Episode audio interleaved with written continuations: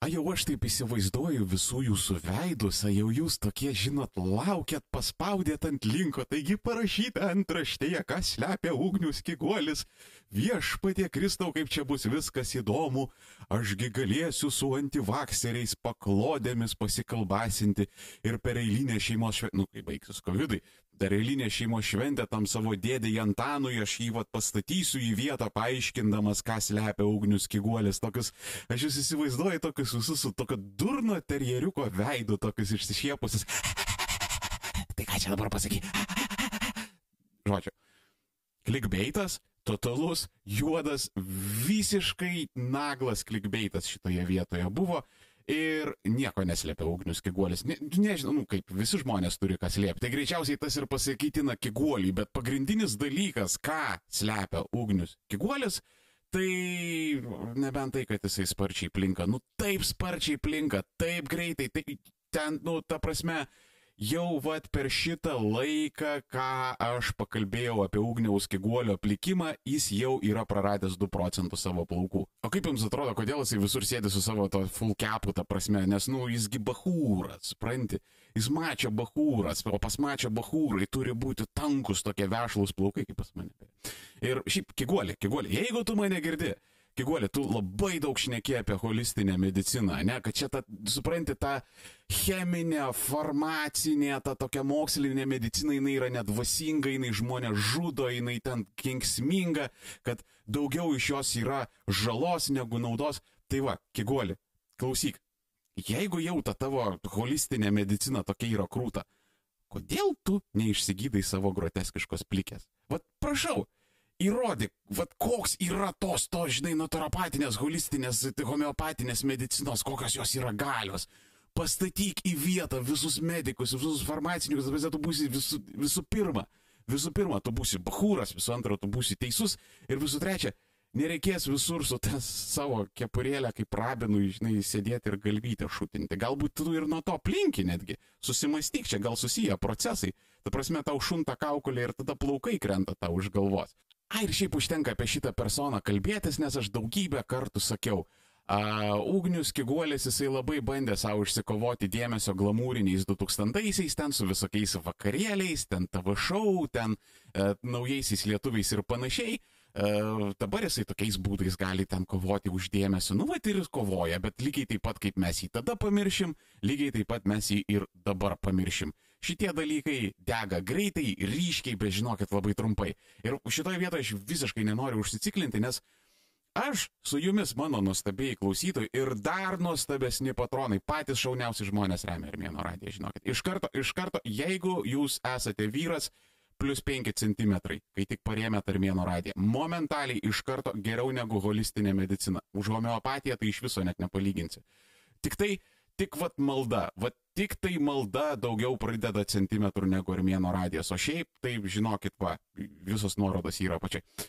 Bet vat, aš norėjau tokį turėti niuansuotą, galbūt net ir ilgą, čia gali mes strikti valandai pusantros dviem, velnis žino, kur čia vakaras nuneš, bet aš norėčiau tokį apturėti normalų, išsamų, niuansuotą pokalbį apie antivakcinaciją, nes aš tai pastaruoju metu vartausi tos sovietinius laikrašius ir aš taip žiūriu, vis pastoviai vis kyla ir kyla klausimai, kad vat, ten apklausos vyksta, kiek žmonių atsisakys vakcinos, kiek žmonių nori skiepytis nuo COVID. Čia beje, e, norėčiau įvesti į temą, čia žmonėms iš 22 amžiaus, kam galbūt nelabai aišku, mes e, gyvename COVID-19 pandemijos laikais, E, visi yra užsidarę karantinuose ir va tik dabar pradeda eiti pirmosios vakcinos, Pfizer, AstraZeneca, yra skiepijami pirmieji žmonės ir va šitoj vietoj šiokios tokios kontroversijelės yra iškilę, apie kurią mes pasišnekėsime truputėlį vėliau, bet tame tarpe, ne,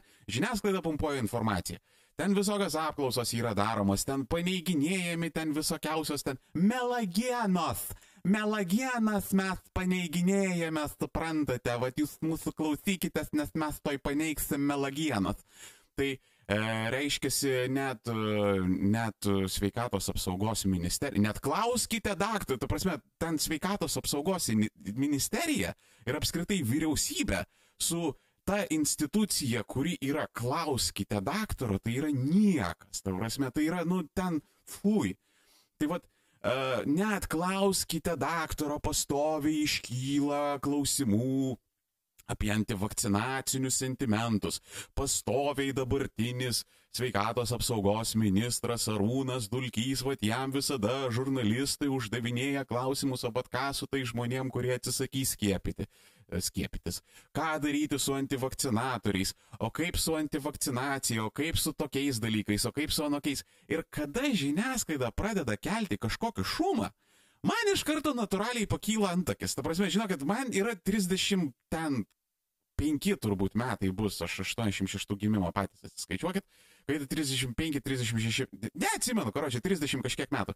Tai tos 30 kažkiek metų aš šitoj žemėje, kiek aš gyvenu su vat mūsų ta šudinaja Lietuvo žiniasklaida, aš jau esu įpratintas kaip Pavlovo šuniukas į bet kokias žinias reaguoti maždaug taip, kad vat aš matau kažkokią informaciją, ne, ar jinai atėjo iš televizoriaus, ar jinai atėjo iš portalo, ar jinai atėjo iš radijo, nesvarbu koks yra nešėjas, kalbant apie kažkokią žinutę, mano iš ankstinis nusistatymas arba tikimybė 30 procentų, kad ten bus kažkoks, nu, niekinis turinys, ar tai kažkoks nekokybiškas vertalas, ar tai, nu, vat jeigu nežinote, ten žurnalistai, kurie redakcijose sėdė, ne dažnu atveju jiems yra padaryta ten stavkė, 3, 5, 6, 7, bet ten dažniausiai būna ne mažiau negu 3 straipsniai, dažniausiai kokie 5 straipsniai per dieną, ten duotom temam, mane tu gauni užduotis, bet kiekvieną dieną tau reikia išpumpuoti 5 straipsnius. Ir dažniausiai 4 iš tų straipsnių būna,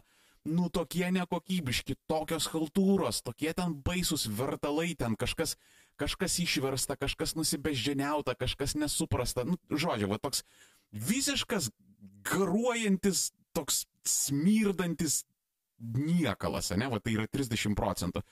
30 procentų tai yra e, pramokėtas turinys, kažkaip kažkokiais būdais, ne, dažniausiai jie būna be reklamos numerio, bet tai yra koksai nors ten e, pramokėtas kažkokiais būdais turinys, arba tai gali būti netiesiogiai pramokėtas, pavyzdžiui, galbūt redaktorius e, arba redaktorė e, simpatizuoja ten, sakysim, kokiam nors politikui arba politikiai Ir tada ten pradeda varyti kokius nors liaupsinančius straipsnius arba ten, pavyzdžiui, tą m, politiką e, kritikuojančius straipsnius kažkaip gesinti. Žodžiu, 30 procentų tai yra kon konkrečiai kažkoks paskvilinis pramokėtos turinys, ne? Ir galiausiai pas paskutinė ta 30 procentų falanga tai yra tokia, na, visi tai yra grinai klikbeitas, grinai turinys skirtas išsiubuoti moralinės panikas ir kiršinti tautą. Ai, nu jo, dar ten aritmetiškai gaunasi kažkur tai 10 procentų ten lieka. Ta prasme, 10 procentų tai yra tas geras, normalus turinys, kur ten kitas iki būna mane tarmenienė, žinai, nusiunčia, sako, žinai, pažiūrėk, įtartinai geras straipsnis. Ir taip atsiveria, jo, tiksliai geras. Ta prasme, iš Delfio, nu, visai nesi. Čia va kokie yra 10 procentų. O va taip, jeigu trečdalį, trečdalį, trečdalį, tai autizmas, paskviliai ir tautos kiršinimas. Ir todėl, vad, kai aš tik tai pradėjau tą žinutę girdėti, kad čia, vad, supranti, visur ten pilna tų antivakcinatorių, ką su tais antivakcinatoriais reikia daryti, ar bauduoti, nebauduoti už kažkokią ten klaidinančią informaciją ir panašiai, man staiga pasidarė labai neramu.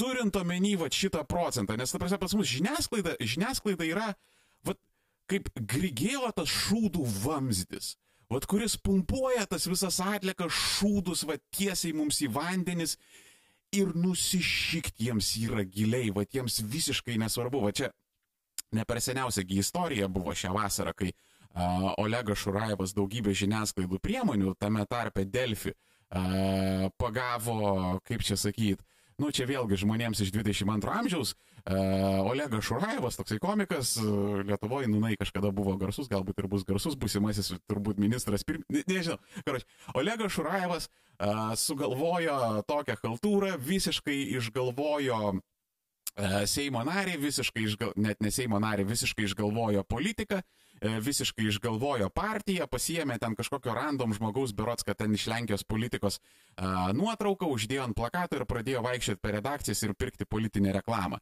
Ir Delfis ant šito dalyko užskrido.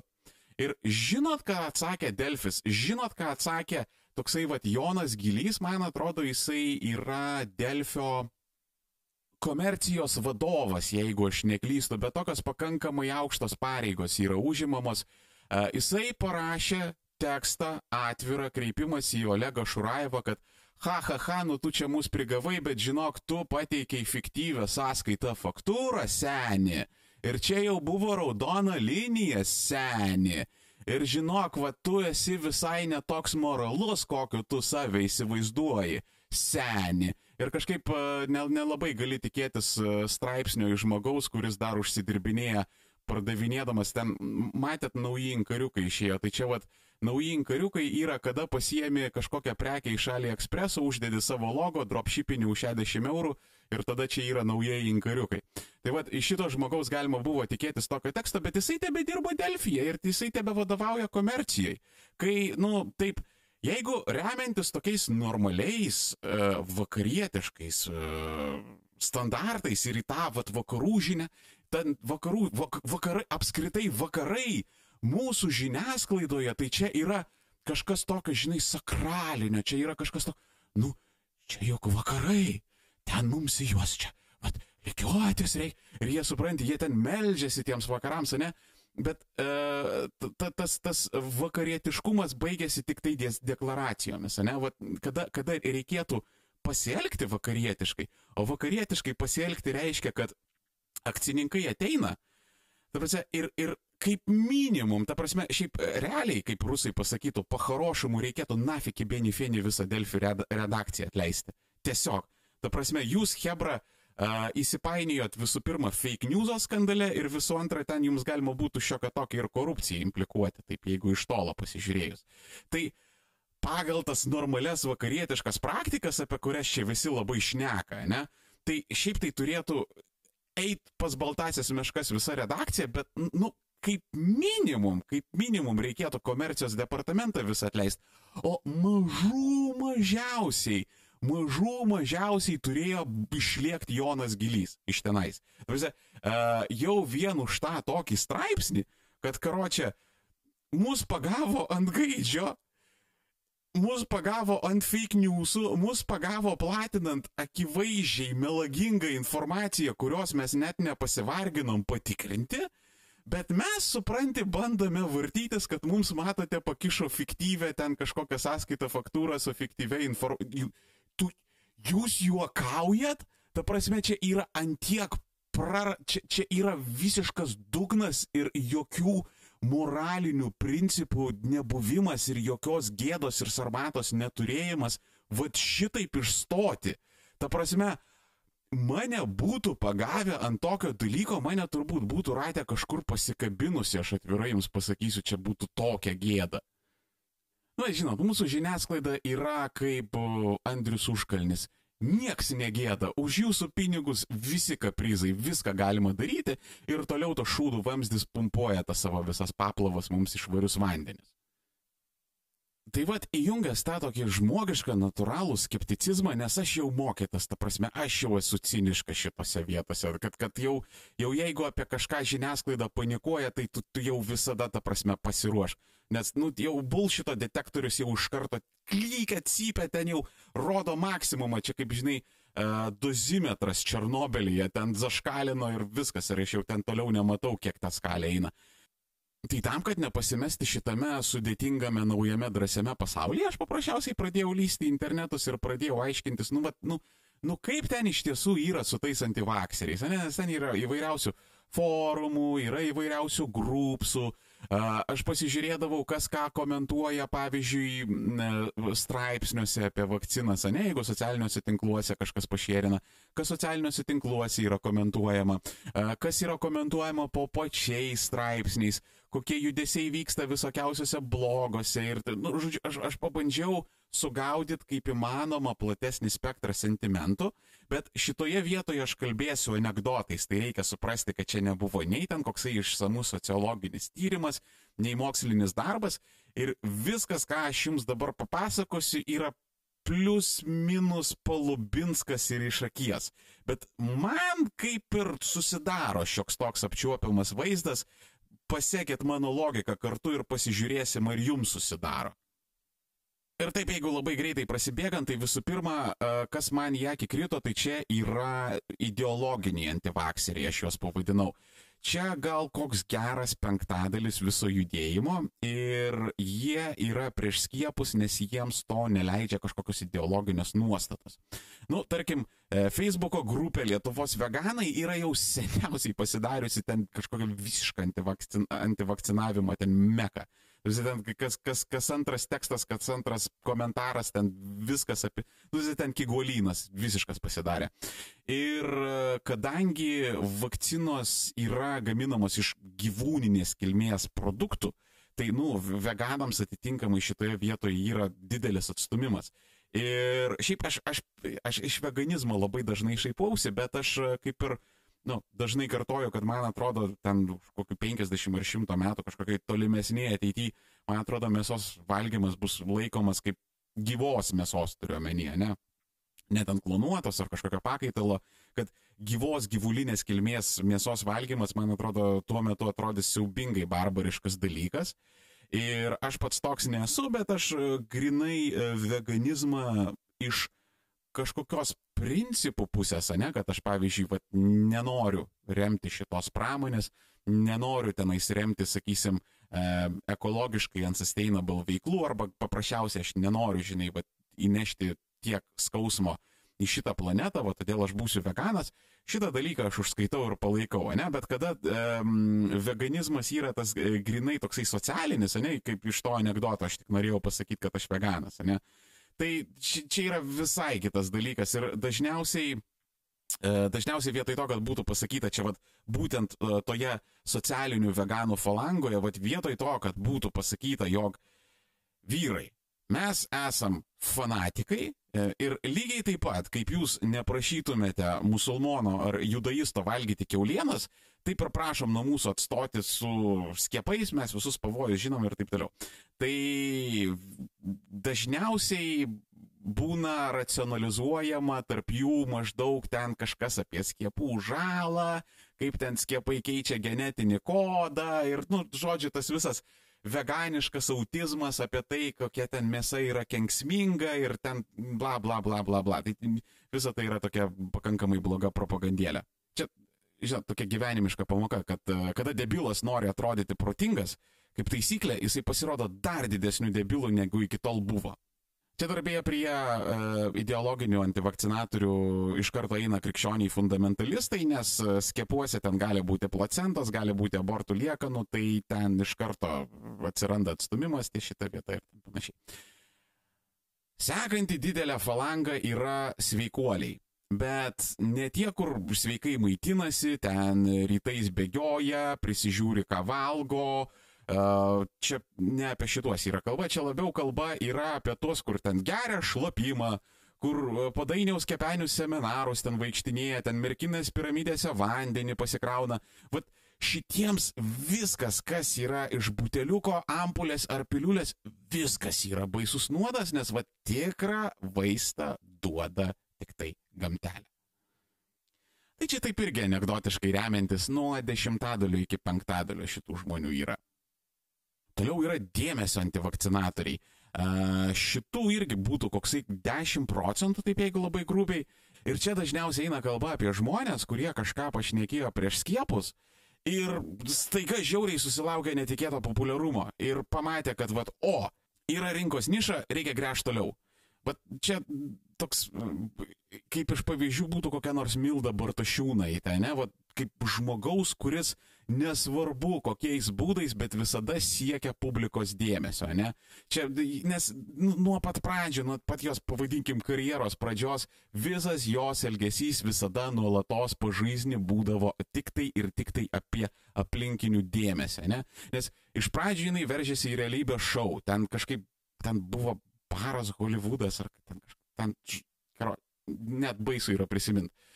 Toliau ji patapo sekspertė, tai čia dar ankstyvais 2000-aisiais, ten Lietuva tuo metu buvo labai labai puritoniška Ir kada moteris atvirai šnekėjo apie mėgavimus seksu, tai čia buvo baisiai skandalingas elgesys ir, ir, ir, ir tada, nu, va, taip jinai siekia visuomenės dėmesio tokiais būdais. Tada jinai nuėjo į politiką, pasidarė baisi liberalę, ten užgėrė meilę ir toleranciją.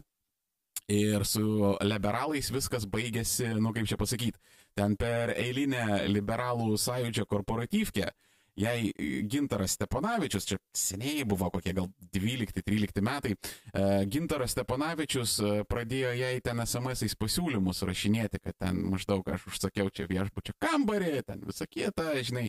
Ir e, Bartašiūnai ten nuėjo į žiniasklaidą, visą tai paviešino, nu ir aiškus reikalas ten jos politinė karjera greitai pasibaigė, kad, nu, tiesiog padaręs aš parą bahūrų. Ir ten tuo metu Lietuva čia buvo iki mytų, iki progresyvizmo paplitimo, tai tiesiog padarys aš parą, eik velnio. Tada prasidėjo ten visokiausi šokių konkursai. Ir Bartašiūnaitė į juos visus ėjo, ir ten, nu, kaip įmanoma vulgariai raitėsi, ten, kaip ten, ten, jeigu būtų, jei galima buvo be triusikų pasirodyti, jinai būtų buvus be triusikų pasirodžius. Ir, ir, ir, ir turbūt špagatą padarius būtų prie grindų prisisiurbus, bet, nu, ir ten kokių penkių vyrų būtų reikėję ją atkelt. Bet, uh, nu, žodžiu, ten raitės ir vaipėsi, ten visai papus išvertus, ten visa kita. Nu, vad, nepavažiavo ir šitas dalykas. Tada po biški pradėjo atsirasdinėti ten kažkokią vatos temą, ne? E, ten um, po, po, po biškinai pradėjo aiškinti, kad, vat, supranti, Vladimiras Putinas Lietuva yra draugas, Krymas yra aneksuotas teisėtai, Luhanskė ir Donbasė ten vyksta ne e, kriminalinių urodų ten sukilimas kažkoks, e, o tikrai demokratijos šventė, o polčiansai ten gynasi ten nuo banderovcų ir ten taip toliau. Ir finale jau jinai dasivažiavo iki tikrąją to žodžio prasme acto garinimo, ten visi ten chemtreilai, ten nemirtingos, ten Jėzus Marija. Dabar tai ten pasiskaitai jos Facebooką, ten nei tai kokia tai vata, nei tai komunizmas, ten lygtais jau su virduliais atsto nebe, nu, ten nesuprasi, bet, žodžiu, galbūt jau žmogus apsiramino, bet tiesiog yra tipas žmonių, kuriems yra reikalingas dėmesys, nesvarbu koks. Ir čia principė jie gali ten šnekėti apie plokščią žemę, apie reptiloidus, žydomasonus, ten Geitso homoseksualizmo, čia nesvarbu visiškai. Tol, kol tai neša kažkokį dėmesį, tol apie tai bus šnekama. Čia beje toksai oftopikas, šita dėmesio antivakcinatorių tusovkė turi tokį labai įdomų porušį, kurį aš vadinu turtingas dalbajobas. Čia vat, įeina vat, būtent visi uspaskichai, kiguoliai, blažytės, bosienės, ten visi juos ten rakauskai kokie nors. Nes, matot, um, būt turtingų ir įtakingų nėra lengva, vat, kaip, kad ir kaip tai kontrintuityviai skambėtų, nes 99,9999999999998 procento aplink jūs esančių žmonių niekada su jumis iki galo nebus nuoširdus, nes veikiausiai jūs daugumai žmonių atrodote kaip žmogus bankomatas. Tarsi, tie turčiai, kurie turi išminties, jie labai greitai pastebi, kad ten visos liaupsės čia yra tikrai ne apie jų šaunumą ir čia yra apie jų pinigus, o tie, kurie yra glušitai, jie viską supranta diametraliai atvirkščiai. Ta prasme, kad uh, sukiojasi ten, tarkim, apie juos koksai pulkas sikofantų ir jie tada pradeda galvoti, kad, o, žiūrėk, koks aš čia šaunus, šmaikštus ir protingas. Kaip jiems įdomu yra manęs klausytis, gal man reikėtų daugiau ir platesniems masėms papasakoti tos dalykus, kuriems aš ten pasakoju. Ir vat, aš niekada nepavargstu rodyti to pavyzdžio, tai yra Augustino Rakausko, senukų verslų imperijos, ten vienas iš savininkų, yra jo parašyta knyga e, Globali jausmo proto dvasia. Jis ten pasirodė ar 12, 13, 14 metai kažkas tokio. Aš prisimenu, kokie buvo pompastiški jos pristatymai. Kaip visi aikčiojo, kaip visi džiugavo, kad kokią nuostabią žinutę ponas Rakauskas neplaktoms masėms staiga vat atnešė vaje vaje.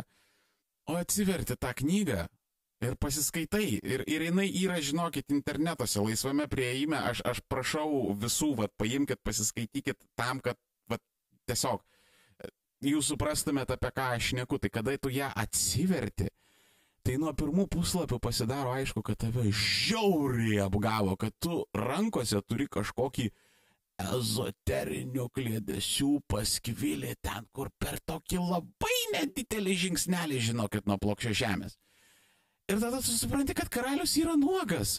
Ir jei šitą šūdą nebūtų parašęs vienas įtakikiausių Lietuvos oligarchų, tai tokios knygos turbūt nebūtų spaudusi netobolio leidykla. Globali jausmo proto dvasia yra toks šlamštas, kad jį būtų gėda laikyti knyginė tam skireliai, kur ten viskas po vieną eurą. Ten žinot, kur ten apie reptiloidus, ten žydomas odas, va, va, va ten būtų ją gėda laikyti. Ir tu va skaitai tą, nu, pavadinkim, knygą. Ir tu savo galvoji, kad Rakauskai, tau negėda tokią garuojančią šūdo krūvą į viešumą paleisti. Ir tu supranti, kad ne, negėda. Nes kada aplink tave zuja ištisas legionas padlaižūnų, tai tu niekada niekada gyvenime neišgirsi tiesos ant savęs. Tavęs niekas niekada nepasivadins ir nepasakys, žiūrėk, augi, tu ten gali tikėti, kuo nori, praktikuoti, kas tau patinka, bet tai, ką tu parašiai, tai čia yra tazikas vandenio prieš televizorių, kur Kašpirovski rodo. Tu apsijuoksi ne tai, kad ten prieš verslo bendrų, tu prieš visą tautą apsijuoksi. Ir aišku, žiūrėk, bet svarbus momentas, Augi, žiūrėk man į akis. Tau niekas į akis nepasakys. Bet žinok, tose redakcijose, kur tą tavo knygą ten liaupsins, promautins ir ten pozityvės recenzijas rašys, Filadelfijai garsiai skaitys tos tavo klėdesius ir springdami juoksis iš tavęs. Jei, jei tu šito nori, tai pirmin, welcome, bet žinok, tavim dėtas aš tą rankrašį sudeginčiau ir pamirščiau. Tai vad, tas yra toks turtingo dalbojobo žanras, kur žmogui per ilgai niekas nesakė tiesos apie jį, per ilgai nebuvo liepta užsičiaupt, atsisėst ir netrukdyti suaugusiems, kol jie šneka. Ir vat iš ten atsiranda ta Uspaskicho stebuklinga gazirovkė. Ir ten kaip pozityvi emocija COVID virusą suvalgo. Ir arba jo ten buvusios patelės vapėjimai apie 5G sukeliamas lygas. Aš baigim su off-topikais. E, kur sustojom? Buvo ideologiniai antivakseriai, sveikuoliai, dėmesio antivakseriai, dar yra komerciniai antivakseriai. Tai čia, čia šitų nėra labai daug, ten keletas, keletas procentų. Ir čia kalba yra apie žmonės, kur, oi, COVID, oi 5G, oi GMO, oi chemtrailai, bet va čia, nu, visai netyčia, Jėzus ne, net nesuprantu, kaip čia taip sustapo, bet aš žinokit, prekiauju papildais, kur Nutiktų man taip, jie gydo viską nuo to, apie ką aš jūs gazdinu. Ir nuo COVID, ir nuo 5G, ir nuo genetiškai modifikuotų daržovių, ir homoseksualizmą gali neutralizuoti. Tai čia, va, nu, yra va šita tematika, ne? Tada yra pilnatiniai. Čia dažniausiai žmonės būna su psichinėmis lygomis, apie tai aš nelabai norėčiau šaipytis, nes, nu, va, man tikrai medikai yra pasakoję, kad pradėjo vaikščioti ten, va, kaip kilo antroji banga, ten per ligoninės, ten pradėjo filmuoti, kad tuščios lovos, visa kita, ten žmonės visiškai neadekvatus, ten paklaikusiam akim. Ir, na, yra tokių dalykų, tarkim, na, žmogus gali būti gal ir geras, gal ir intelektualus, gal ir apsiskaitęs, bet, nu, va, kad kada pas jį yra e, rimtų psichologinių ir psichiatrinių sutraukimų, sutrikimų, tai jį tiesiog, nu, gali tokią bedugnę įtraukti, kad, nu, jis visiškai pameta ryšį su realybė. Tai vad, nu, pavadinkim, yra tokia pilnatinių falanga, ne, tai, nu, in, jinai nėra baisiai didelė, ne. Tai čia e, kas gaunasi, kokie 20 procentų ideologiniai, kokie 10 procentų dėmesio antivakcinatoriai, 10 procentų sveikuoliai, 5 kokie procentai pilnatiniai, e, kiek čia 45 turime, ne? Uh, Nu ir tada tokia labai nedidelė grupelė eina klėdesiniai antivakcinatoriai, tai juos dažnai e, paprastai yra supainioti su pilnatiniais, bet tai yra žmonės, nu kaip pasakyti, labai pasiklydę, ne psichologiškai, ne psichiatriškai, bet jie dažniausiai gauna išsilavinimą išimtinai iš visokių interneto užkabarių, ten va tų pačių knygelių, ten po vieną eurą, ar ten Rakausko kokios knygos, ten viešpatė apsergėk. Ir jie dažnai tiesiog gyvena tokioj alternatyvių faktų visatoje. Ne, viskas jiems yra susiję, viskas, kas vyksta pasaulyje, jiems tik tai patvirtina jų pačių samokslo teorijas ir jie ten sugeba tas išvinioti labai gerus naratyvus, čia žinai visokie kroidonai ten įeina, nu, tarsi, tai, tai yra tokie pasakotojai, pasakoriai ir žmonės ieškantis kažkokių, žinai, didžiųjų viską paaiškinančių pasakojimų. Tai nėra baisiai daug. Tada dar yra viena tokia labai įdomi grupė, aš jas vadinu prieštaros antivakcinatoriais, Tai čia nebūtinai yra apie antivakcinaciją, jie nėra tokie labai dideli, ten dieve procentas 2, ne? Ir tai yra žmonės, kurie, jie bus už ufonautus, jie bus už plokščias žemės, jie bus už reptiloidus, jie bus už matricas, jie bus prieš skiepus. Ką tik tai nori, bet su tikslu, čia vat ne dėl dėmesio, čia vat yra esminis skirtumas, jie tai daro, bet jie tai daro tik tai tam, kad susipriešintų su visuomenė. Čia vat, iš, iš pavyzdžių būtų kokia nors, nežinau, Lidžitutė, kuri um, ilgą laiką tenais uh, šlovino Karbauskį ilgą laiką tenais mylėjo gerąjį daktarą Verygą, nes vad išblaivins tautą ir valstybė privalo riboti alkoholį, nes laisvė nereiškia laisvės prisigerinėti, o bet tik tegu ta valstybė kuri privalo sureglamentuoti, kas kiek geria ir ten ar kokius narkotikus vartoja. Tik tegu ta valstybė, kuri privalo sureglamentuoti tos visus dalykus, tegu ji nesikiša į šeimą ir, ir net nedrįsta tegul skelbti karantinu. Aš laisvas žmogus ir pats renkuosi ar savizoliuotis, ar su kaukiam vaikščioti. Nu, tiesiog tokia, žinai, yra, atsiranda keistai šizofreniška ideologija, kuri tiesiog gimsta vien tik tai iš noro būti susipriešinus su visais. Ir vat tada mes turim kokius 50 procentų pasilikusio, ne, vėlgi, sakau, Lempa, Polubinskas, anegdotiniai duomenys. Nepriiminėkite tai už gryną pinigą. Grinai pagal mano jausmą yra kokie 50 procentų žmonių, kuriuos aš vadinu proginiais antivakcinatoriais. Ir aš net nežinau, ar juos galima būtų laikyti antivakcinatoriais tokiais kaip o per se. Nes matote, dažnas jų nėra prieš skiepus ar prieš mediciną. Jie gali būti prieš specifinius skiepus, jie gali būti prieš kokią nors specifinę mediciną. Nu, tarkim, Babulkos iš žiniasklaidos prisiklausė, kad AstraZeneca skiepai gali būti vyresni, e, pavojingi vyresnio amžiaus žmonėms, ne? Ir jos persigasta ir tada jos ten pradeda ten, ten nenorėti AstraZenecos ar ten prašyti Pfizerio ir ten bla bla bla bla bla. Pavyzdžiui, koksai nors vatnikas, galbūt jis nenori Pfizerio, jis nenori AstraZenecos, jisai nori ten Sputniko, ne? A, tarkime, gali būti, vat prie tų proginių antivakcinatorių a, aš labai daug matau žmonių, kurių pajamos labai smarkiai nukentėjo nuo karantino, čia dažniausiai įvairūs tokie smulkus ir vidutiniai verslininkai, ypatingai iš viešojo maitinimo, Ir, sakysim, sėdi žmogus namie, skrolina socialinius tinklus, o ten koksai nors sofos epidemiologas aiškina, kad karantinas yra niekinė priemonė, kad prieš pandemijas e, kaukių nešiot nereikia ir šiaip tas COVID nėra toksai pavojingas, kaip čia visi šneka, ne? Ir var žmogus, kurio verslas buvo uždarytas, dėl to paties karantino, dėl tų pačių kaukų, dėl to paties COVID. Ne, jisai sėdi krapšto pakaušį ir jam tada pasidaro, apsimoka būti COVID skeptiku. Ta prasme, fiziškai apsimoka. Nes kuo greičiau karantinas baigsis, tuo greičiau pajamos grįž ir todėl jisai sėdės tose socialiniuose tinkluose ir kažką ten bačiulins iš serijos aš vat nepatingėjau ir dvi dienas pasidomėjau. Ką tu sakai, tu net pusę dienos googlinai oho, koks tu dabar kompetitingas, ką ten tie daktarai su savo universitetais, su savo monografijom, su savo dešimtmečiais ten rezidentūros prieš čivaką, kuris ant tualeto ten pasėdėjo ir ten, žinai, YouTube paskrolino. Nu, bet, žodžiu, vat, yra ten tokie, žinai, proginiai antivakcinatoriai. Ir šiaip dar kartą pasikartosiu, man atrodo, nėra teisinga tuos žmonės įvardinti kaip uh, antivakcinatorius ar ten kažkokius COVID neigėjus ar ten COVID skeptikus, nes, nu, šiandien va jie šneka tokius dalykus, šiandien jie galvoja tokius dalykus, rytoj jie tokių dalykų negalvos. Nu, pasižiūrėkit, uh, buvo pavyzdžiui, kedžia istorija Lietuva ten pasidalinusi dvi dalis, ten dvi, dvi stovyklos, ten kai kuriuose šeimose po šiai dienai nėra šnekamasi.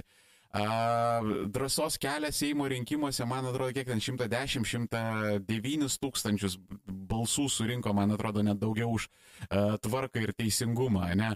Ir tuo metu toks ažiotažas, visi žinojo tetą neringą, visi žinojo ten stankūnaitę, visi žinojo ūsą, visi žinojo tas vat pavardės, o dabar kai kurie jų net nesugeba tų pavardžių atgaminti, kurios ten buvo linksniuojamos per visus internetus, žiniasklaidos priemonės ir panašiai.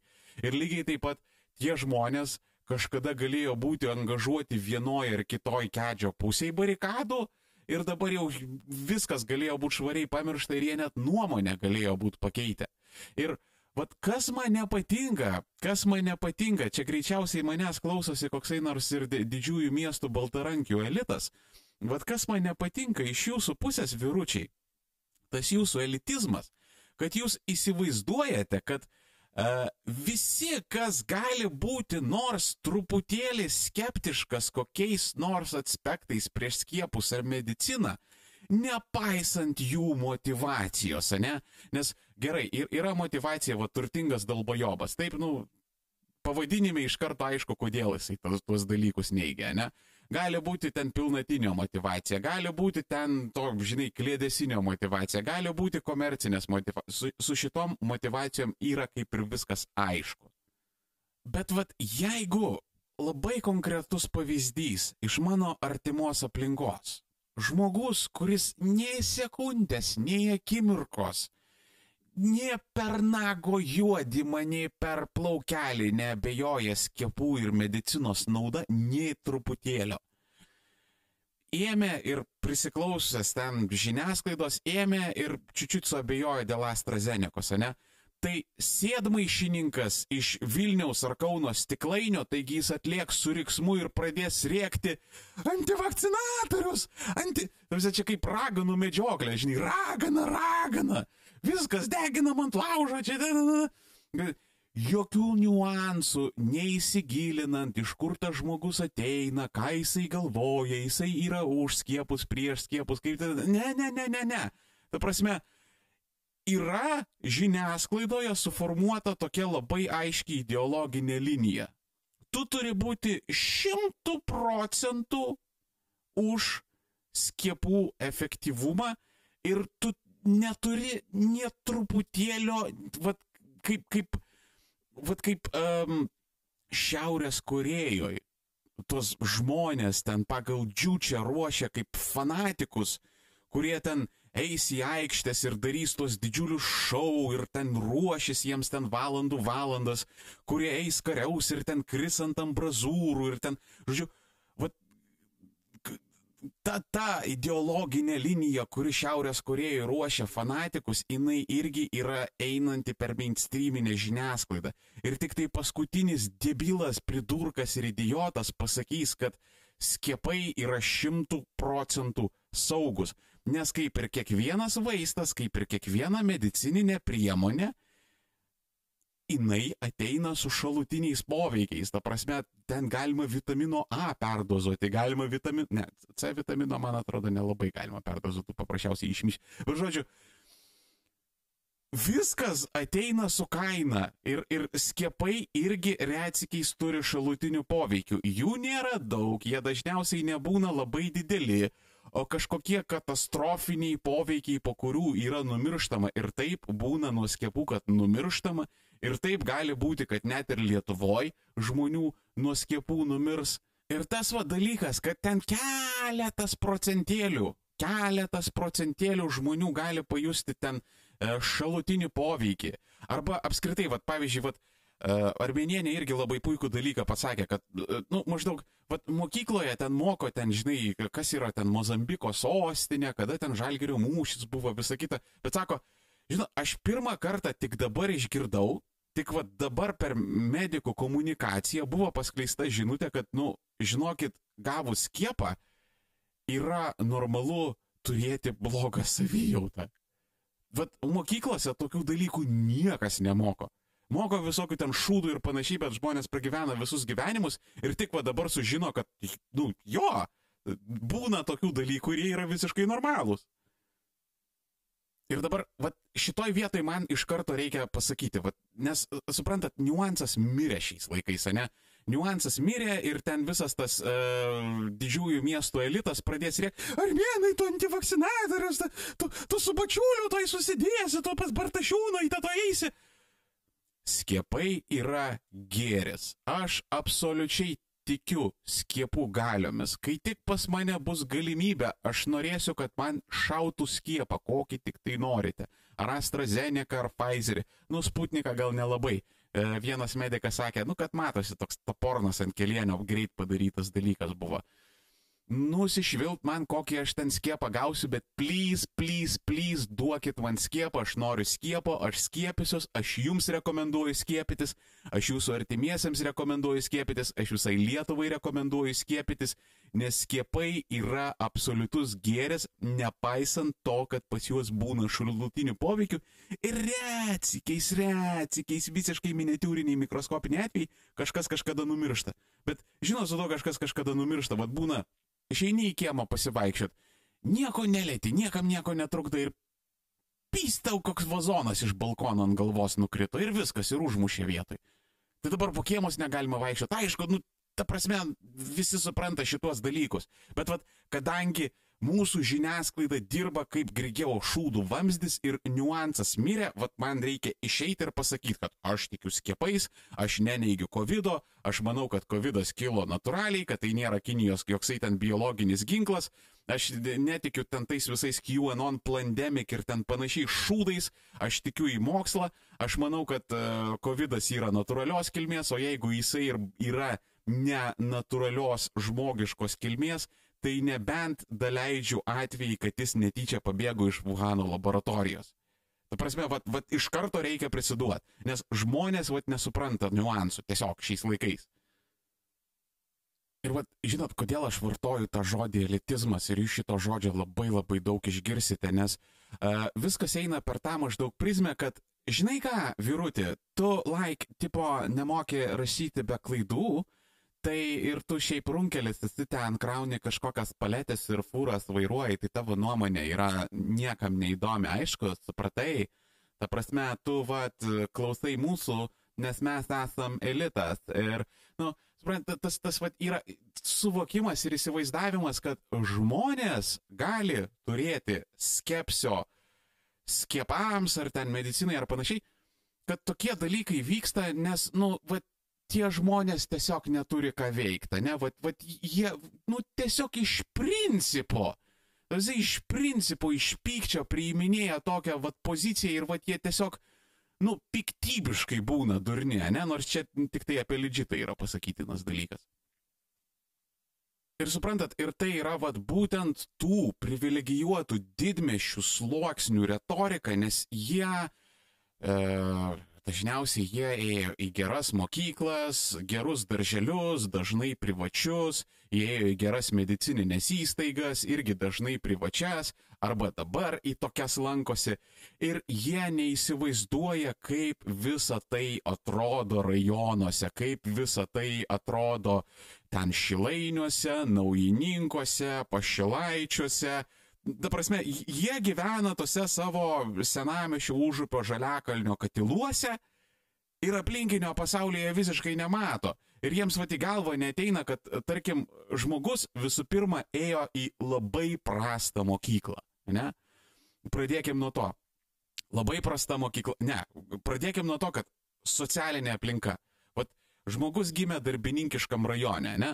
Tam rajone yra pilna smurto, pilna išnaudojimo, pilna žmonių, kurie arba sėdėjo, arba sėdi, arba sėdės įkalinimo įstaigose, kur yra pilna visokiausių disfunkcijų, kad kažkas kažkieno ten muša vaikus, ar ten žmona, ar kažkas kažk, ten kokia, žinai, panažovščina ten, ar kažkas kažką su kirviu pasivaikė, visiškai yra normalūs dalykai, ne? Tai pradėkim vat, nuo tokios socialinės aplinkos. Tada prie šitos socialinės aplinkos pradėkime klyjuoti mokyklas, kurios yra, nu, visas finansavimas, kuris nuėjo į tas mokyklas, jisai paprasčiausiai nuėjo ten į trinkelės, į renovacijas, visą kitą ten. Dažnai administracija tarpsta, būna nusamdyti ten patys blogiausi, patys prašiausi mokytojai, ten kokie nors alkoholikai, ten kokie nors ar tai ten prie vaikų landžiui, ar ten, nu, žodžiu, tikrai ne patys aštriausi peiliai stalčiuje.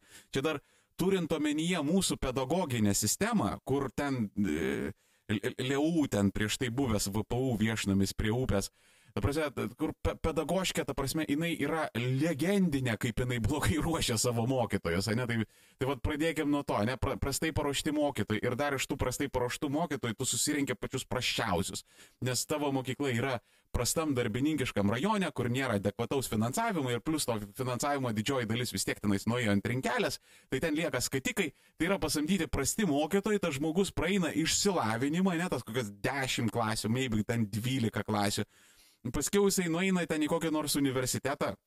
Čia vargu bau, vienas kitas tik tai iš jų išeina į universitetą, e, dažniausiai būna ar ten kokia profkė, ar tenais kokia nors darbinė patirtis. Ir, ir, ir jie vat verda tose katiluose, tose sultise, kur jiems niekas niekada nėra pasakęs protingo žodžio gyvenime. Vat jūs turbūt, vat jūs mėly didžiųjų miestų sėdmaišininkai, jūs turbūt nesate matę nei sykio namų, kuriuose nėra knygų. Vat įsivaizduokit, vat yra namai, ne, yra ten televizorius, tualetas, skalbenkė, e, kreuklė, vanduo teka, elektra yra, bet jokio spausdinto žodžio, nei laikraščio, nei žurnalo, čia aš dar kalbu iš tų laikų, kai ten buvo žurnalai laikraščiai, nei laikraščio, nei žurnalo, nei knygos, nieko nieks tose namuose neskaito.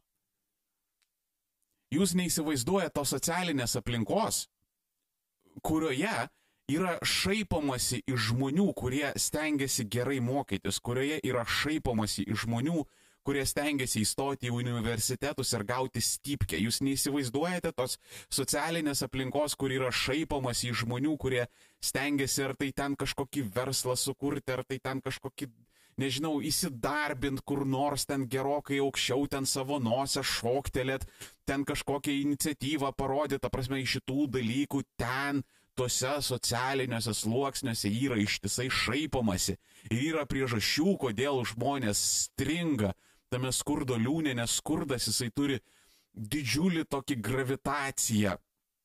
Ir ta trauka jų taip lengvai nepaleidžia. Ir vat, kaip, kaip, kaip, kaip aš atkreipiau dėmesį, vat, nu man taip gavosi, aš vat, augau žirmūnuose, ne? Ir žirmūnai yra toks įdomus Vilniaus rajonas, kur, nu, jisai toksai ant ribos, ne, yra vienas galas jau toks, žinai, jau progresyvus, ten šiaurės miestelis, ten aplinkui tuskulienus yra jau tokių, žinai, naujesnių, geresnių namelių pastatyta. Tai va ten jau toks tarsi elitėlis gyvena, ten į Antakalnio pusę irgi tenais jau įdomių dalykų vyksta. Bet yra, vad kur į benderius, ne į tą pusę, kur jau ten yra žirmūnų galas, kur jau ten tos visos akminos prasideda, ten alekūro aparatūros ir panašiai, va ten jau tie, kur ir, ir, ir, ir palei upę ten tie, va visi benderiai, kur eina. Vat, nu, ten jau yra vat, darbininkiškas, toks tamsus, toks, nu, vat, apie tai, ką aš neku, ne? Ir vat, žirmūnai yra vat, ant, ant, ant šitų socialinių sluoksnių susidūrimo. Ir grinai, va, ten bendraudamas ten su klasiokais, ten, žinai, su aplinkiniais ir panašiai, nu, va, aš, aš, aš matydavau tų, va, visokių. Ir ką aš pastebėjau tose, uh, pavadinkim tai elito sluoksniuose, ne, kur ten tėvai, ten buvo kokie nors spekuliantai, ar ten šiaip gerai uždirbdavo, kurie gyvendavo ten gražiuose namukuose, gal žiūrėk net ir kotedžą sauliaisdavo, jau čia buvo iš viso elito elitas kur ten namuose būdavo kompiuteriai, kur ten atsirasdavo pas juos pirmieji internetai, DVDškės, kur eidavom pas juos ten ant PlayStacho pažaisti, nes ten PlayStationas tuo metu tai čia viešpatė, ta prasme, ne visi zilitonus turėjo. Tai vad pas tuos visada jie laikosi kartu, jie visada vienas kitą skatina, ragina, vad kažkas, žinai, idėją sugalvoja, vad sako, vad aš norėčiau, žinai, čia ar tokį verslą kurti, ar tokią veiklą pradėti. Ir jie visada, jo, davai, gerai, stenkis ten viskas, ten. O va tose va žemesniuose sluoksniuose tas apatinis 20 procentų, ne pagal pajamas ir socialinį išsivystymą, tai ten yra viskas atvirkščiai, ten yra kaip tik, va, jeigu kažkas iniciatyvą parodo, tai ten, e, tai tu subankrutuosi, tai čia tau nieko nesigaus, ką, durnas, eik, va, pagimdyk, vai. Ir, ir, ir rimtai aš esu ten tokių dalykų girdėjęs, kad ką, tipo, čia toks labiau kaimuose negu didmeščiuose, ne? Bet labiau kaimuose yra toks, kad, ai, eik, gimdyk vaikus, siesk ant pašalpų ir vargo nematysi. Ir jūs žinot, ką padarot, žinot, ką padarot mano mėlyjeji privilegijuoti didžiųjų miestų baltarankiai sėdmaišininkai iš stiklainių. Žinot, ką jūs padarot kiekvieną sykį, kada jūs pradedat raganų medžioklės ir kada jūs pradedat riekti ant visų ten antivakcinatorius, antivakcinatorius, nesigilindami kokia to žmogaus motivacija, nesigilindami visiškai į to žmogaus niuansus. Kitas iki būna problema, kad tas žmogus tiesiog yra gavęs labai blogą išsilavinimą ir jis tiesiog negali išreikšti tai, ką jisai nori pasakyti, bet jums visiškai yra nusišikti, nes jūs norite siautėti prieš runkelį ir tamsuolį. Tai žinot, ką jūs su tokiais dalykais darote, ogi jūs prisišokinėsite iki Karbauskio ir Uspaskicho vyriausybės. Nes matot, sovietmečių dėjosi tokie patys dalykai. Sovietmečių buvo nomenklatūra. Ta nomenklatūra lygiai taip pat buvo kaip tas mūsų didžiųjų miestų sėdmaišių elitas, tokia labai siaura, uždara, hermetiška tusovkė. Ir nomenklatūra jinai nežinojo tokio dalyko kaip deficitas. Nomenklatūra turėjo spets mokyklas, spets poliklinikas. E, šiais laikais žodis spets reiškia tai, nu, ten, kur mes dauniukus, žinai, uždarom. E, tais laikais spets reiškia ten specialus, ta prasme, va ten elitų, žinai, skirta. Tai buvo ten tos spets poliklinikos, spets ligoninės, e, spets mokyklos, būdavo spets sekcijos univermagose, kur ten ne bet kas užeidavo. Ir jie nežinojo deficito, jie gerdavo Coca-Cola, jie rūkydavo Malboro, jie, uh, jie nešiodavosi ten deimantus, ta prasme, ten, ten, nu, kaip sovietiniam žmogui būdavo visiškai nesuvokiamas dalykas važinėtis, ten nežinau, su kokia užsienietiška, vakarietiška mašina, čia, nu, ten tik su kooperatyvais, uh, į 80-ųjų galą tokie dalykai pradėjo vaikščioti po visuomenę, ne? Bet 70 kažkėlintais metais su užsienietiška mašina, kapitalistinė, dabar jau važinėti, nu tai čia buvo, nu, nu, nu nejokaukite, ne? Bet nomenklatūra visus šituos dalykus turėjo ir rock'n'rollus, ir Elvis Preslius, ir viską, ir viską, ir viską, ir viską. Ir kada buvo prasidėję tie visi išsivadavimo judėjimai, ne? Tikrai buvo žmonių, kurie nuoširdžiai sakydavo, aš nesuprantu, ko tas siautė, tas sąjūdis. Taigi taip faina gyventi toj Sovietų sąjungai. Ko, ko jūs norit, ko jums trūksta, kas jums yra negerai. Ir suprantat, ta nomenklatūra, ta nomenklatūra, kada gyvendavo, kada tarpdavo, ne, tose savo sultise, kada jie viską turėjo, jų savo gyvenimo racionalizacija buvo lygiai tokia pati kaip ir dabartinio elito. Ir konsekventualiai jos buvo abidvi paremtos viduramžių panetkėmis, nes viduramžiais buvo luomai ir viduramžiais buvo viskas labai aišku. Ta prasme, tu esi ten, supranti, e, runkelis kaimo kaziolas valstietis, tai vad e, čia yra tavo vieta. Tu vad sėdi, lenki nugarą ir e, kada numirsi, iškeliausi į rojų ir ten tau viskas bus gerai, tau bus atpildas. Tu vad esi koksai nors, nežinau, bajoras didikas, nu čia jau tiesa, jau nebelabai viduramžių panetkas, čia jau šiek tiek ir protestantizmo prisideda, kad vat, tu esi ten turtingas, koksai nors, nežinau, novarišas, bajoras, didikas, fabrikantas, manufaktūrininkas ar dar kažkas, tai tu toks esi dėl to, kad Dievas tave myli, ne? O tu vad karalius esi dėl to, kad Dievas tave paskyrė, Dievas tave vad atrinko ir paskyrė. Ir kažkoks runkelis, jisai karalium tapti negali. Tai vad lygiai sovietiniai nomenklatūroje irgi tas pats buvo, kad, supranti, mes gyvenam auksę, mes esam šokolade.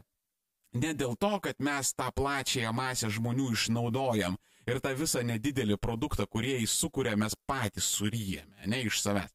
Bet mes esame tokie privilegijuoti dėl to, kad mes esam patys geriausi. Ne dėl to, kad mes esame išnaudotojai, ne? Ir lygiai taip pat su tuo didmišio elitu, vat, mes esam patys geriausi, mes esam patys protingiausi. Ir aš, ir aš įsivaizduoju, ta prasme, aš, aš jau girdžiu, kaip nekurie iš jūsų ten širsta, kad armenai, kaip, ta, kaip, kaip tu drįsti šnekėti tokius dalykus, aš, aš tas apamai minutėlę esu baigęs, ta prasme, ten, žinai, tas tavo tas apamai virutė, kokiose, nežinau, Amerikoje, Kanadoje, Olandijoje, Prancūzijoje, Japonijoje, Didžioji Britanija, tas tavo tas apamai, žinok, ten technikumo nebūtų vertas. Pradėkim nuo to. Ir va čia mes prieėjom tokią labai esminę vietą, kad galbūt, čia armėno hipotezė yra, bet galbūt dalis antikovidinio, antivakcinacinio, ten medicinos neigimo ir COVID neigimo sentimento, galbūt yra nulemta jūsų mano mielas didžiųjų miestų elite, vad kur ten kuodis šneka, ne, 2,5 didžiojo miesto, kur jau pavyzdžiui net Vilnius pagal savo pragyvenimų lygį net ir yra Europos vidurkį pralenkęs, kur Europoje, aš priminsiu, yra e, tokie e, nepasiturintis ir niekam neįdomus ir nežinomi miestai kaip Berlynas, kaip Paryžius, kaip Amsterdamas, tai vad suklyjavus juos visus bendrai, jau Vilnius net jau jų vidurkį pradeda pralenkinėti. Taip pat užduoda tokį retorinį klausimą, kad čia galbūt dėl jūsų šitie dalykai vyksta. Galbūt jumis tiesiog žmonės nepasitikė. Galbūt jūs per savo elitizmą ir susireikšminimą taip sudeginote savo reputaciją. Galbūt jau jumis taip nenori niekas tikėti, kad žmonės yra pasirengę paneigti mediciną, mokslą ir skiepų naudą, kad tik tai jūsų neklausytų. Bet laik seniai mes juk už faktus ir mokslą ir tie antivakcinatorių kliedesiai laik yra labai pavojingi ir už tai turėtų būti laik atsakomybė gerai. Atsakomybė už dezinformaciją man čia yra, ta prasme, čia, čia, čia buvo, gen, ta prasme, čia yra genialus elitizmas. Ne, čia, čia yra, nu, ta prasme, vad kodėl jūs prisišokinėsite iki Uspaskicho ir Karbauskio vyriausybės, vad žiūrėkit padėliojam tokią grandinę, ne, vat jūs dabar aiškinat, vat, ką ten šneka kiguolis, ką ten šneka kepenis, čia vat yra pavojinga, uh, pavojinga viešumai, pavojinga čia bendrai tautos sveikatai, ten bendriems interesams ir juos reikėtų ten bauduoti už dezinformaciją ir panašiai.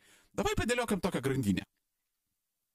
Glamūriniais 2000-aisiais, ypač po įstojimo į Europos Sąjungą, kada tiesiog prasidėjo labai didelės užsienio investicijos į Lietuvą ir tas smagradis ekonomikos dar labiau įsisuko, visos žiniasklaidos priemonės trimitavo kaip susitarusios, kad jeigu tu neperki nekilnojamo turto ir nespekuliuoji akcijomis, tai tu net ne žmogus esi.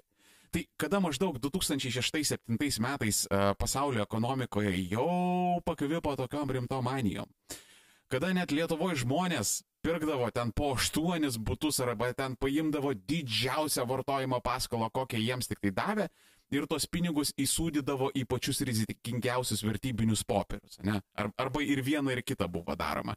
Tai šitų manijų akivaizdoje 2006-2007 metais buvo žmonių, kurie buvo apie mokslą ir faktus kurie skambindavo pavojaus varpais kaip mokslininkai, remdamiesi faktais ir aiškindavo, kad vaikai, balius gali tuoj užsibaigti, gali būti labai rimta pasaulinė ekonomikos krizė. Ekonomika tai be proto aukti negali, o jūs visi užsikreditavę iki apsišikimo ir biški truputėlį sujudimas ir jūs po paraliais eisit visi. Tai tokių žmonių pro redakcijos duris net nepraleisdavo. O jeigu įsileisdavo, nu tai tokiam, žinai, švento durnelio įrodyvo teisėmis maždaug, nu va, čia mėly žiūrovai, čia yra tas keistuolis, kur ten krizėm gazdina, nu tai dabar pažvenkim visi kartu iš jo, ne? Ir maždaug tam žmogui duoda pasisakyti dvi minutės ten iš kokių 45 minučių, o 35 minutės ten duoda šnekėti ten tiems makleriams ir nekilnojamo turto brokeriams ir vat, vat maždaug tai buvo informacija pateikinėjama. Tai Netgi, netgi tada, kada jau pasaulio ekonomika degė atvira liepsna, kada čia buvo, žinai, ten visi Lehman Brothers, kada jau ten kongresas tar patvirkino, tvirkino, tvirtino. Ir e, žiniasklaida, žiniasklaida tuo metu į eterį leido ne ekonomistus, ne žmonės, kurie šarina, o jinai leido tuos pačius nekilnojamo turto brokerius, tuos pačius ekonomistus, kurie vapėjo, kad ramiai, čia nedideli sunkumai, ekonomika banguoja, toj atšoks ir krizė mumis aplenks. Tai vad visa ta vartojimo psichozė, e, kada ten visokie paliečių krovėjai nusipaišydavo fiktyves algas ir ten imdavo paskolas trims būtams, čia labai didelė dalimi buvo žiniasklaidos darbas. Jie vat sukėlė šitą žiotažą. Jie labai noriai kvietėsi visus tos ekspertus ir ekonomistus į eterį. Jie reklamavo abejotinus finansinius produktus. Ir jie per patrankos šūvį neprisileisdavo jokių alternatyvių nuomonių. Todėl, kad Kuodis ir Maldeikienė reklamos neperka. Tai vad rezultate atėjo tokia kolosali ekonomikos krizė, po kurios mes turėjom tokią emigracijos bangą, kad iš Lietuvos ekonomikos toks rūkstantis krateris pasiliko. Ir retoriškai užduosiu klausimą, kodėl Kiguolis turi ir privalo tučto jau atvičialinti už savo bazarą, o koksai, o koksai nors Jonas Gilys iš to paties Delfio neturi atvičialinti už bazarą. Kodėl tas redaktorius, kuris leido visą šitą šrotą, kuris šitaip uh, skatino žmonės, kuris šitokius ažiotažus, ažiotažus išsiubavo, po kurio buvo neregėta, negirdėta emigracijos banga, kodėl va jisai už nieką nėra atsakingas? Kodėl, sakysim, 15 minučių yra oficialūs fact-checkeriai, kada 15 minučių alumnas Davidas Pancerovas yra, nu, ta prasme, aš ne... A, aš kol kas dar nesutikau normalu... Nu, tiesiog, bet nežinau, parašykit man į komentarus, at, parodykit man normalų Pancerovo straipsnį, kur nebūtų paskvilis ir nebūtų autizmas. Ta prasme, ten ta jo knyga su Davidonytė, ten kaip jinai ten kabinetas 90210, kur ten, Jėzus, ten, nu, ten viešpatė, aš neturiu žodžių, nu, Europos žiniuose tenais yra mano recenzija, tai aš, nu, ten galite susirasti, jūs pamatysite, kaip, kaip apie ką aš gal net į uh, komentarus įdėsiu, kad neieškotumėt. Bet, žodžiu, vat, kur Pancerovas, kaip Pancerovas tai paskvilis, kaip Černiauskas tai paskvilis, um, Mačiulis ir Mauricas ateina į eterį. Ta prasme, Mačiulis ir Mauricas, kada ateina į eterį, visi normalūs, profesionalūs, kokybiški ekonomistai face palmina. Ir dabar jūs norite pasakyti, jūs dabar rimtais veidais norite pasakyti, kad šitie žmonės, šitie visi 15 minučių, šitie visi Delfiai, šitie visi ten LRT portalai ir panašiai, Tazi jūs norite pasakyti, kad visa šita Filadelfijų armija, visa šita su kreivom rankytėm, mažom smegenytėm, ta prasme nesugebantis patys mąstyti, įsprausti į visokiausius ten viešinimo fondų, reklamdavių ir ten kitokių korupcinių, nepotistinių ten ryšių rėmus, jie staiga taip vat atkūda nevazmys bus pajėgus tikrinti faktus. Jūs man tai norit rimtų veidų pasakyti. Čia ta prasme, kaip katalikų bažnyčia su pedofilija pradeda kovoti. Ir va, daugumą jūsų nesuprasti, bet aš davai, davai patiliosiu va, tiesiog dieną iš runkelio gyvenimo, ne, ten truputėlį tokį paveikslėlį paimti. Tai visų pirma, atėjo užkalnis ir pasakė, kad jūs runkeliai patys dėl visko esate kalti, kad jūs taip gyvenate. Tada darbdavys, jisai dar tą užkalnį perskaitė ir dar patikėjo, ir dar tau moralus ištisai ten apie konkurencingumą, ten apie pridėtinę vertę tau smegenys gydo. Ir iš to šūdino darbelio vieną dieną tave išmeta, nes tu ten kokį nors ko komentarą kažkaip ne tą parašiai, kokį nors žodį pavartojai, kuris ten rimuojasi su agrastas, ar ten kažką ten pavadinai negru, ar ten kažką netai parašai apie skiepus, ar ten kokį kiguolio video pas, pasidalinai, tai žodžiu, tu buvai nuskrinšotintas, kokio nors e, pilietiško samoninguolio, kur ten labai daug remia Laisvės TV priduotas darbdaviui ir tave nafik išmeta. Ir tada tu kokie atsiduri kokiai nors ten darbo biržoje ir tu ten susiduri su kokia ten persidirbusi ir prastai apmokama ir siaubingai indiferentiška biurokratė. Ir, ir, ir tu matai jos tą ak akmeninę tą harę ir ta prasme jinai tau nieko negali padėti ir niekas tau nieko negali padėti. Ir po to Ambrazevičius su visokiais ten katleriais ir kitos naujosios ten Lietuvos kavajenšikais dar iš tavęs kaip reikalas išsišaipo, kad aha, kokie tie drunkeliai, bukiai ir idiotai. Tada ateina sėdmų iš berniukai ir mergaitės iš Vilniaus stiklainių ir pasiūlo mokytis programuoti, jeigu tu nori būti turtingas, nes ten, žinokit, aš, aš, aš esu aš esu dalyvavęs tose seminaruose, ten, žiūrėkit, rimtai yra, ten sėdmaišininkai įsisavinę labai daug pinigų apie, nu, ten visokius verslumo skatinimus ir panašiai, ir aš ten esu vienam kitam seminarė dalyvavęs ir ten, žinokit, literaliai vyksta tokie dalykai, kad jie važinėja po rajonus ir maždaug jeigu jūs dabar uh, neturite darbo arba prastai užsidirbate, tai vat, ateikite arčiau visi, ateikite arčiau, atkreipkite dėmesį, prašome mano slaidus. Štai ką jums reikėtų daryti. Jums reikėtų susirasti gerus, saugius ir gerai apmokamus darbus ačiū labai, pinigai įsisavinti. Va, va, va, literaliai taip vyksta, supranti, va ten koks, nežinau, žmogus uh, 55 metų iškrito iš darbo rinkos, niekam jisai nereikalingas, o jam atsakymas buvo, o gal tu norėtum išmokti programuoti. Tuč to jau, ta prasme, ten, kur žmogus nesugeba ten žodžio klaviatūroje surinkti, tai jisai dabar mokysis programuoti, ne tas, kuris nešiojasi tą seną noškę, nes nepasitikė touchscreenais.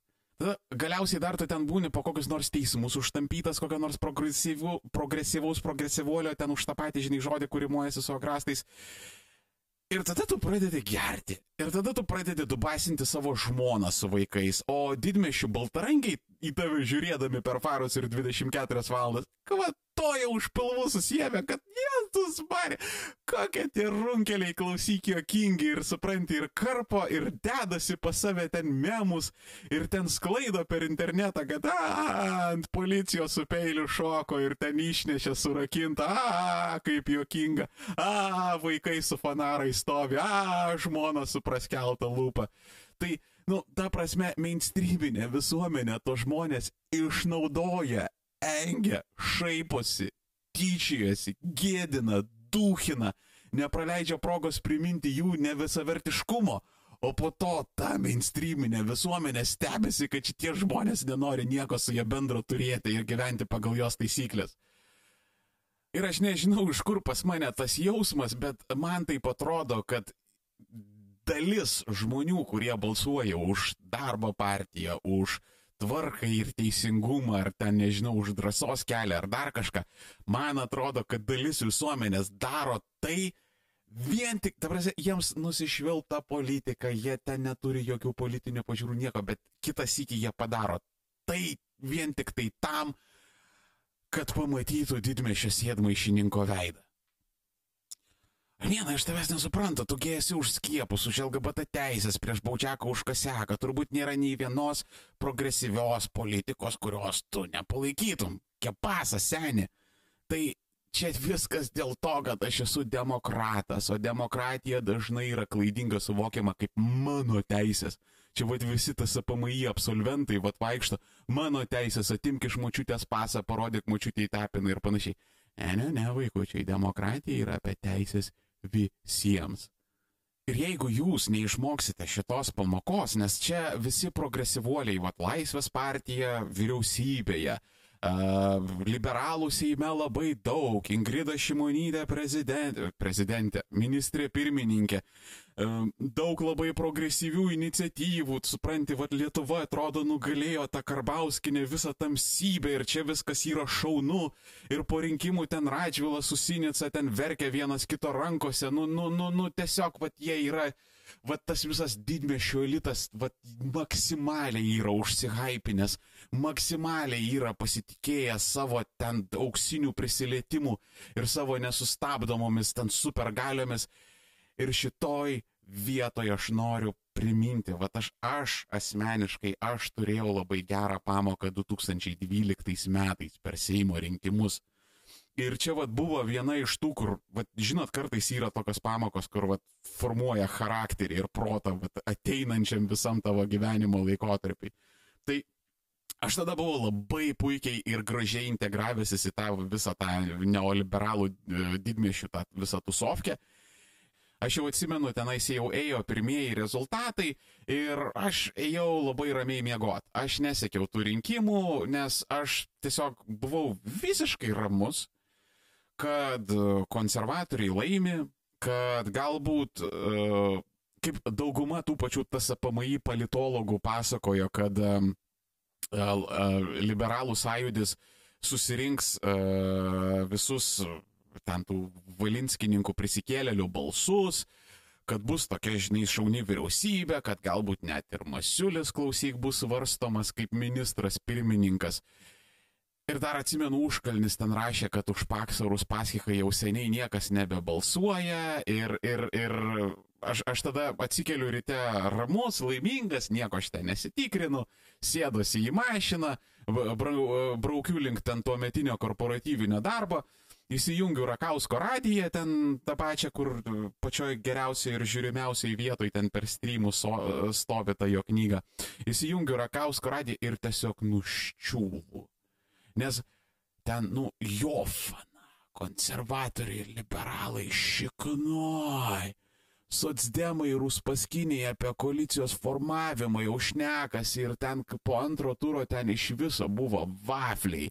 270 tūkstančių balsų darbo partijai, 100 tūkstančių tvarkai ir teisingumui ir ten tie 110 drąsos keliai. Septynis mandatus drąsos kelias išrovė tėvai. Suprantat, ir čia viskas buvo po to paties po krizinio elitizmo, nes į Kubiliaus vyriausybės pabaigą prasidėjo labai daug kalbų apie ekonomikos pakilimą, žiniasklaida daug pradėjo šnekėti ir visi sako, va, ekonomika kyla, va, Kubilius ten puikiai suvaldė krizę, atsigaudinėjam, augam, viskas gerai ir čia dėkinga tauta dar sėki išrinks Kubilių, kad pratestų gerus darbus. Bet suprantat, ekonomika pakilo ir viskas pradėjo aukti ir gerėti elitui, top 20 procentų Lietuvos. Lygiai 80 procentų dar 12 metais, žinokit, nebuvo išėję iš krizės. Ir žmonės, kuriems buvo nuolatos komunikuojama, kad krizė baigėsi, ekonomika kyla, o jeigu tu to netiki, tai tu esi ten, nežinau, Kremliaus agentas, tautos išdavikas ir šiaip durnius runkelis ir varguolis, Tai žmonės klausydami šitos klėdesius nuėjo pas tuos ir nubalsavo už tuos, kurie sakė, nu kad ne, kad ne, dar nepakylo ekonomika, dar nieko nesijaučia, dar apatiniai 80 procentų, ypatingai žemiausi 20 procentų, jie dar vis krizėje gyvena.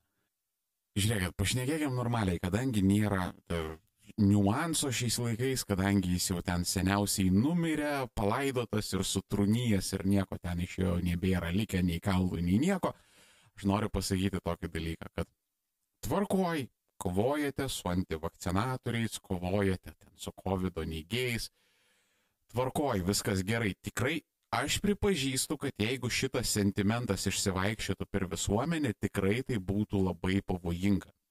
Bet didžioji bėda yra tame, kad jūs nesugebate per savo labai prastą išsilavinimą, net turint omenyje, kad jūs esate užbaigę tos politinius technikumus iš penkių sakralinių raidžių. Dauguma jūsų esate gavę labai prastą išsilavinimą ir jūs esate labai labai neempatiški. Ir ten, kur reikėtų tokio chirurginio, skalpelinio įsikišimo, jūs labai dažnai lenda ten su grandininiais pjūklais ir tada tykšta kraujai, ten kaulai, mėsos, ten žodžiu darosi dalykai ir tada pacientas numiršta, nukraujuoja ir sako, aš, aš nesuprantu, kaip čia viskas nutiko.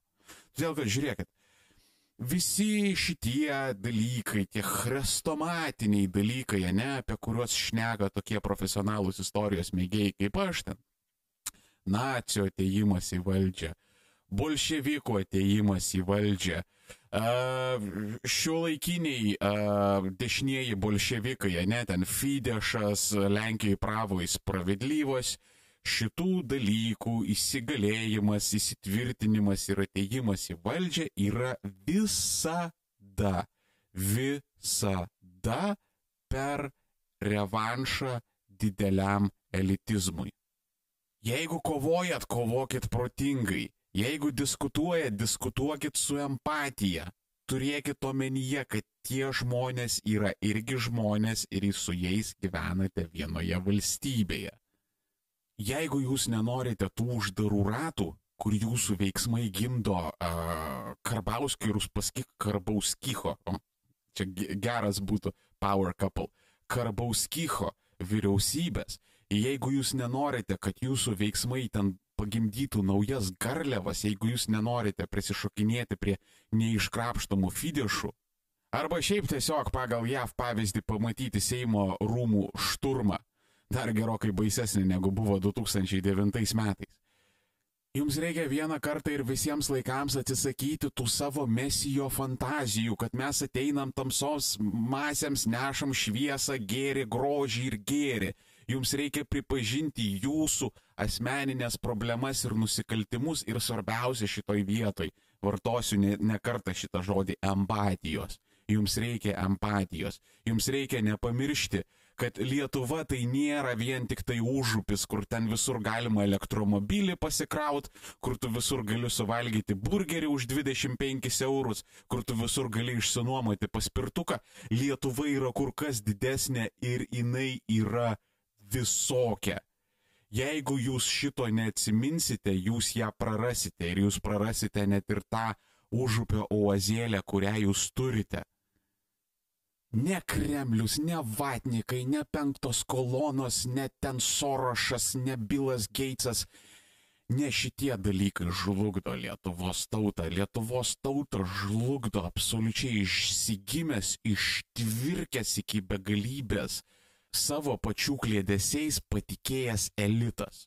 O tautos žiedas vadinasi tokiu, jeigu mes turėsime omenyje žiedinį raumenį ir ypatingai ne viršutinį, o apatinį. Tai Vienu žodžiu, mane supratot. Empatijos, mažiau užsikalinėjimo ir neprisišokinėkit iki fidešo. Ir šitoje vietoje aš manau mums reikėtų padaryti stop. Vaikinai ir merginos, kaip ir minėjau, plus 5 cm, kas remia Armėno radijo Patreonę, bet dabar, dabar pas mus atsiranda įdomesnių tokių e, paramos galimybių. Dabar yra nauja platforma, lietuviška, tautiška, sakrali, pagal krikščioniškas vertybės padaryta Contribui. Apačioje yra visos nuorodos. Tiesiog jūs galėsite be registracijos daryti vienkartinės įmokas. Mane jau labai labai labai seniai žmonės laužė, sako, klausyk, armėnai, nenoriu registruotis Patreon, nenoriu prenumeratos, aš tau geriau vienu kartu padarysiu ir viskas, ir atstoktų nuo manęs.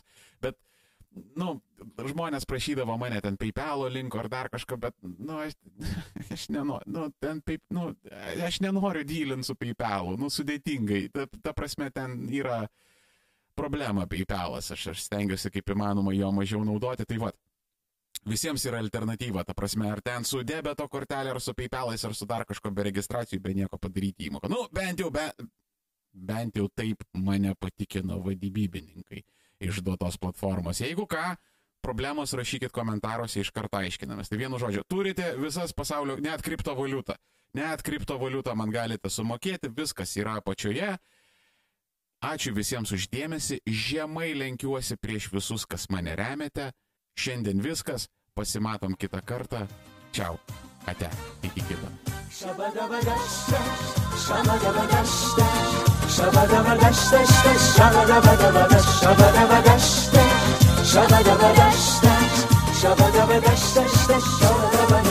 Sirnaqcik inches lalis, inches te xurman galis Sirnaqcik inches lalis